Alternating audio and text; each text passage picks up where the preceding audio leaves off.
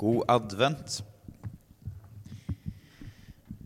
I Jesaja kapittel 25 vers 8 så står det Han skal sluke døden for evig. Herren Gud skal tørke tårene fra hvert andlet.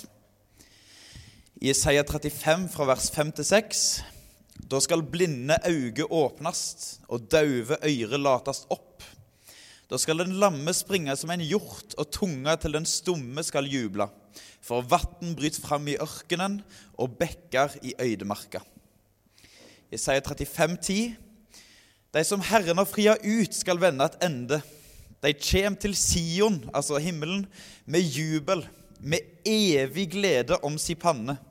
Fryd og glede grip deg, sorg og sukk må flykte.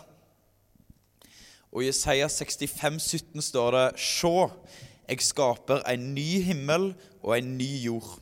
Ingen skal minnes de første ting, ingen skal tenke på dem. Jeg skal be. Kjære Gud, jeg takker deg for uh, himmelen. Jeg ber deg om at uh, du i dag må gi oss trøst, håp og frimodighet. At vi kan få en større glede i målet som er framfor oss. Amen. Søndagens tekst i dag er fra Johannes kapittel 14, vers 1-4. Ehm, da er det Jesus som har siste måltid med disiplene sine, eh, og så sier han det sånn. Lat ikke hjarta dykkar uroast. Tru på Gud og tru på meg. I huset til faren min er det mange rom. Var det ikke slik? Hadde jeg da sagt dere at jeg går og vil gjøre klar en stad til dere? Og når jeg har gått og gjort klar en stad til dere, kommer jeg att og tek dere til meg, så det skal være der jeg er. Og dit der jeg går, veit det vegen. Lat ikke hjarta dykkar uroast. Tru på Gud og tru på meg. I bokmålsoversettelsen så står det 'La ikke hjertet bli grepet av angst'. Og om du sliter mye med uro eller sliter mye med angst, så kan det i første omgang kanskje høres litt provoserende ut. Eh, du kan ikke bare si til noen som sliter med angst eller uro Nei, ikke, ikke ha uro, ikke ha angst. Du må ha et bedre argument enn det. Du må ha eh, en plass å vende blikket til, skulle jeg si. Og Jesus har et argument. Han har en plass vi kan vende blikket til, en plass vi kan se til, en plass vi kan eh, legge vår uro og finne ro. Han sier 'tru på Gud og tru på meg'. Stol på Gud og stol på meg.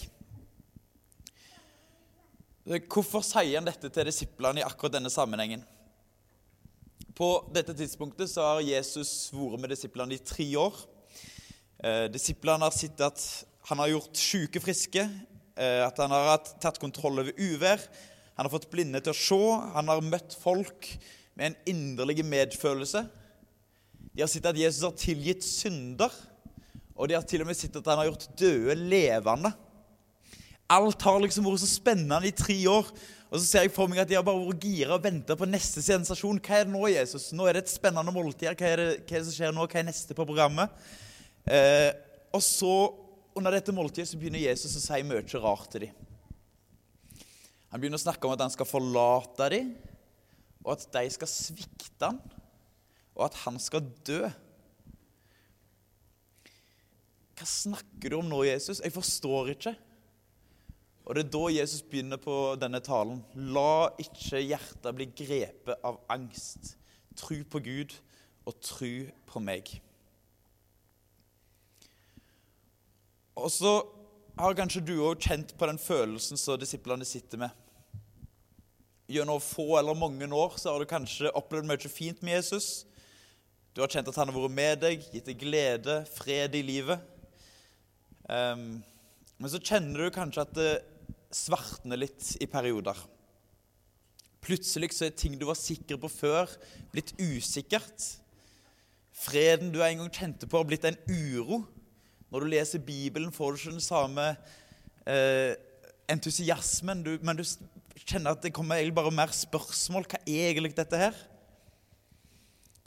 Og så tror jeg Jesus sier det samme til oss som han sier til disiplene.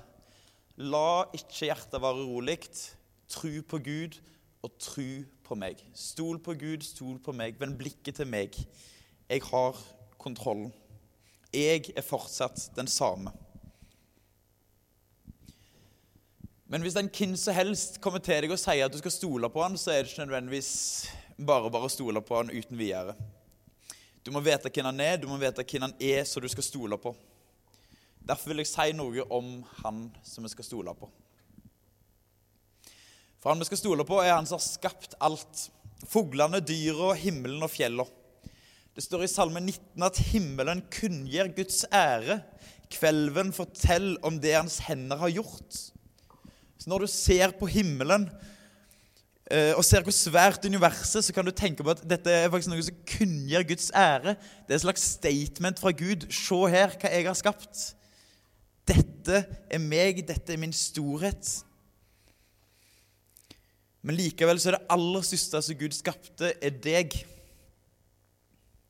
Han skapte deg i sitt bilde, og han syntes det var overmåte godt. Han vi skal stole på, er ikke en sånn en Gud som bare har egenskaper. Nei, en Gud som er selve egenskapene. Han har ikke kjærlighet. Nei, han er selve kjærligheten. Han er ikke bare god, men han er selve godheten. Og Gud er ikke hellig på en sånn måte at han er litt annerledes, litt bedre, litt renere enn oss. Nei, det står i Bibelen at når de sier, snakker om at Gud er hellig, så er han så hellig at alt annet rundt det bare rister og skjelver i redsel. Men så er det flere plasser i Bibelen, f.eks. når eh, Herrens herlighet fyller tempelet som Salomo har bygd, i første kongebok 8, så står det at prestene klarer ikke å stå og gjøre tjenesten sin for at Herrens herlighet fylte tempelet.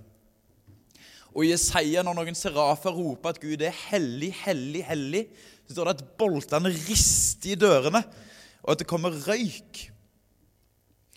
Um, og I Nye testamentet, når disiplene får høre Guds stemme på fjellet, så står det at de detter til bakken av redsel, for de møter Guds storhet. Og så med det så høres kanskje han vi skal stole på, tro på, litt stor, fjern, skummel ut. Men Gud er mer enn det. Jeg skal gå til Jesaja kapittel 57, vers 15. Der står det sånn om Gud. Så sier Han som er høg og opphøyd, Han som troner evig. Den hellige er Hans navn. Og da er vi fortsatt i det store, hellige, allmektige. Så sier han, i det høge og hellige bor jeg, og hos den som er knust og nedbøyd i ånda. Jeg vil gi ånda liv hos de som er bøyde ned, gi hjerteliv hos de som er knuste. Ja, Gud er en stor, hellig og allmektig Gud.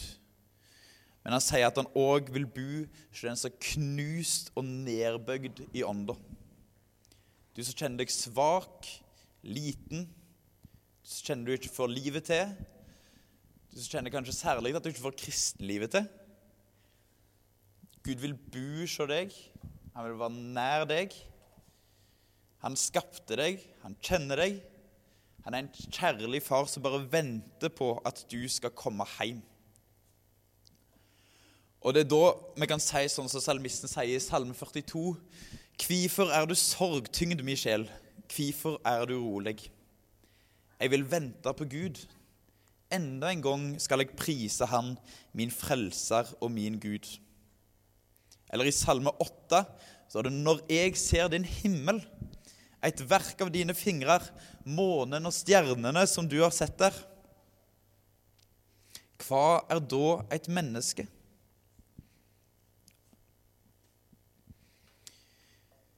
At du husker på det. Et menneskebarn, at du tar deg av det.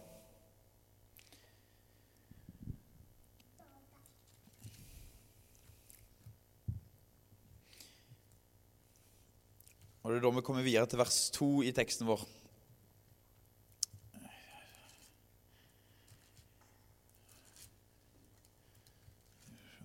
Skulle gjerne hatt bokmerker heller. Der står det sånn I huset til faren min er det mange rom. Var det ikke slik, hadde jeg da sagt dykk at jeg vil gå og gjøre klar en stat til dykk. I min fars hus er det mange rom. Hvis det ikke var sånn, så hadde jeg ikke sagt det til dere. Jesus lyger ikke, kan ikke lyge. Når han sier noe, så er det sånn. Um, for meg er dette verset med huset til faren min det er blitt personlig. I andre klasse på videregående så var jeg mye sjuk.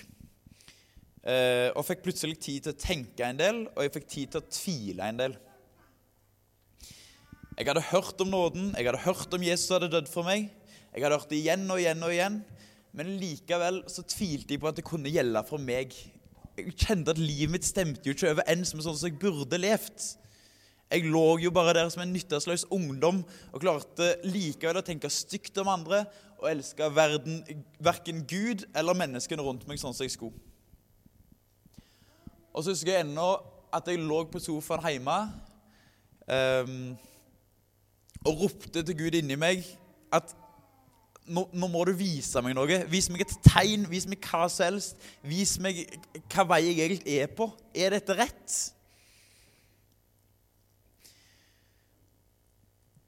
Og da kom disse versene til meg. Jeg hadde aldri pugga de eller noe, men jeg hadde hørt de før. Og de kom La ikke hjertet ditt uroast. Tru på Gud og tru på meg. I huset til faren min er det mange rom. Og hvis det ikke var sånn, Håkon, så hadde jeg sagt det til deg. Tru på Gud og tru på meg. Jeg skal få stole på Gud, at han gjør klar en plass til meg. For fire år siden så begynte jeg å studere i Oslo. Men måtte slutte etter et par måneder, for jeg ikke fikk det til. Det ble til at jeg flytta hjem. Um, og Jeg husker ennå når jeg tok Haukeliekspressen over fjellet og kom hjem i Tølensvåg. Eh, og pappa sto klar med bilen og venta på meg der. Da var det ikke sånn at pappa sto der og var sur på meg for at jeg hadde avsluttet et studium. Eh, han fortalte meg ikke og ga meg en lekse om at jeg burde vært mer disiplinert i studiene. Han begynte ikke å fortelle meg hva jeg burde brukt tida på i Oslo. Han sto og ønsket meg 'velkommen hjem'. Det var fokuset. Og Sånn tenker jeg at det er med Gud òg når vi kommer hjem. Det er ikke sånn at han står og sier alt vi skulle gjort annerledes. Det er ikke sånn at han står og sier hvordan vi skulle prioritert alt dette her. Gud står med åpne eh, armer og ønsker oss velkommen hjem. Han tar imot oss med sin evige kjærlighet. Og Så står det at det er mange rom. Og Det går det an å tolke flere veier. Men det betyr i alle fall at det er plass til mange. I Åpenbaringen 7, vers 9 så står det om himmelen at Johannes forteller deretter så jeg en flokk så stor at ingen kunne telle han. Av alle folkeslag og etter, av alle folk og tungemål. Altså mange folk. Men så står det òg at av alle folkeslag og etter Mange ulike rom. Av alle folk og tungemål. Mange ulike folk. Vi har ofte et sånn eget bilde av hvordan liksom, en kristen skal være utover det som står i Bibelen òg, vi har en sånn slags eh, fordom mot oss sjøl, nesten, skulle jeg si. Men så i himmelen ikke bare for den ekstroverte gladkristne, den alvorlige bedusmannen eller han som har gode meninger om alt. I himmelen så er det plass til både menn og kvinner, rolige og urolige, bygding og byas, tenkende og spontane. Den som liker best å lese bøker, og den som vil finne på noe sprell. Som du sitter fra jorda, så kan vi si at jeg tror det er både bibliotek og lekeplass i himmelen. Um, så om du sitter der og aldri har funnet helt din plass, føler du kanskje Samme hvor du går, så er det liksom ikke helt der du hører hjemme. Og Kanskje du ikke føler at bedehusforsamlingen heller er helt en plass for deg. Så vil jeg si at du må ta til deg dette ordet at i min fars hus er det mange rom. Og der er det òg plass til deg. Og så er ikke himmelen bare et gjestehus, en plass vi stikker innom som en leir, har det kjekt for påfyll av helg. Nei, himmelen er selve heimen vår. Tidligere i høst så var Magne Birkedal og hadde ei uke og snakket om trusheltene i Hebreerbrevet 11. Um, vi hørte om Abel, Noah, Enok, Abraham og Sara. Så står det at noe av det disse gjorde, som vi òg skal gjøre, er at eh, de aksepterte at her på jorda så var de framante og heimløse dypest sett. De lengta etter et fedreland. Og så står det i kapittel 11, vers 16.: Men nå er det et bedre land de lengter etter, det himmelske. Det er himmelen vi søker mot nå. Det er der vi hører hjemme. Det er det som skal være vårt fokus. Det er der vi skal vende blikket vårt. Det er sånn som vi leser i Kolosserbrevet kapittel 3 vers 1-2. Er det da oppreiste med Kristus, så søk det som er der oppe, der Kristus sit ved Guds høyre hand. Vend dere sinn til det som er der oppe, ikke til det som er på jorda. Og Hvis vi da går tilbake til hovedteksten vår, så fortsetter Jesus å si i vers 3 og når jeg har gått og gjort klar en stad til lykk, kommer jeg att og tar det til meg, så det òg skal være der jeg er. Jesus kommer og tar oss til seg, så vi skal være der han er. Det er et ønske fra Jesus. Han vil være med oss. Av og til så kan jeg tenke at Jesus døde på en måte for meg bare for å være snill med meg. Bare for å være litt greie, bare for at han måtte, eller et eller annet sånt. Men så er det faktisk Guds ønske, Guds innerste ønske. Det er sånn som jeg leser i et vers i Gamle Testamentet, at han tilgir oss for si skyld. Det er ikke bare for vår skyld, men det er for si skyld, for at han ønsker å være med oss, han ønsker å ha fellesskap med oss, fordi han elsker oss. Et annet eksempel på det er når Jesus ber for disiplene og alle framtidige kristne i den ypperste prestelige bønna i Johannes 17. Um, så sier han, 'Far, jeg vil at de som du har gitt meg, skal være som meg der jeg er.' Mennesket skapt i Guds bilde, skapt en relasjon med Han.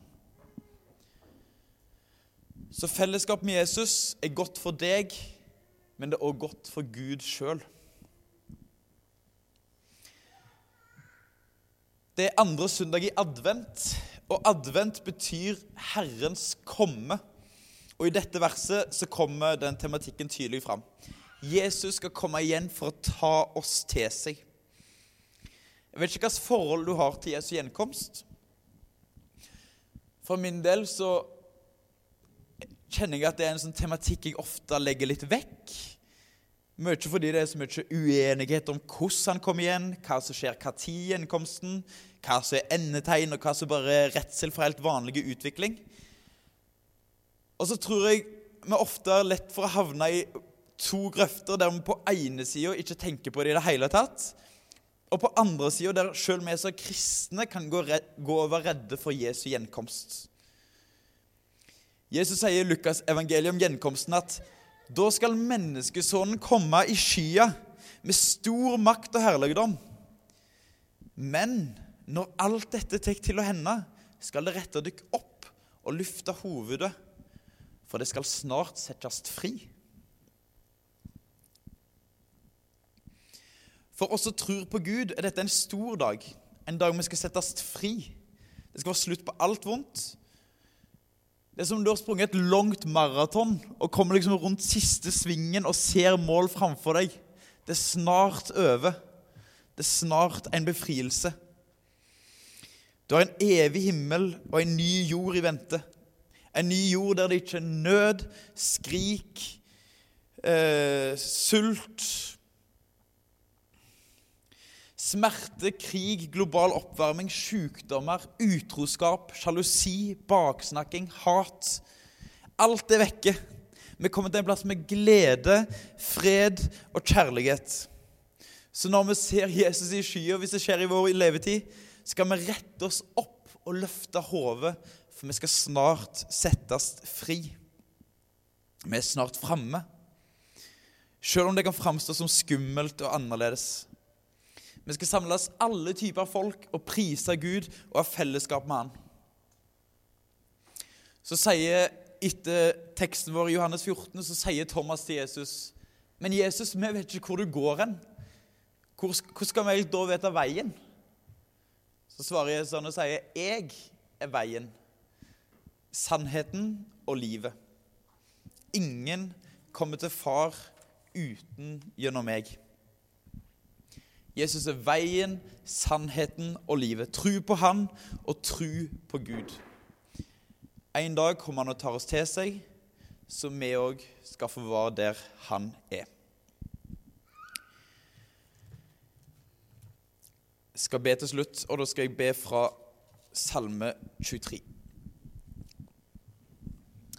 Herren er vår hyrding, vi mangler ikke noe. Han let meg ligge i grønne enger. Han fører meg til vann der jeg finner hvile. Han gir meg nytt liv.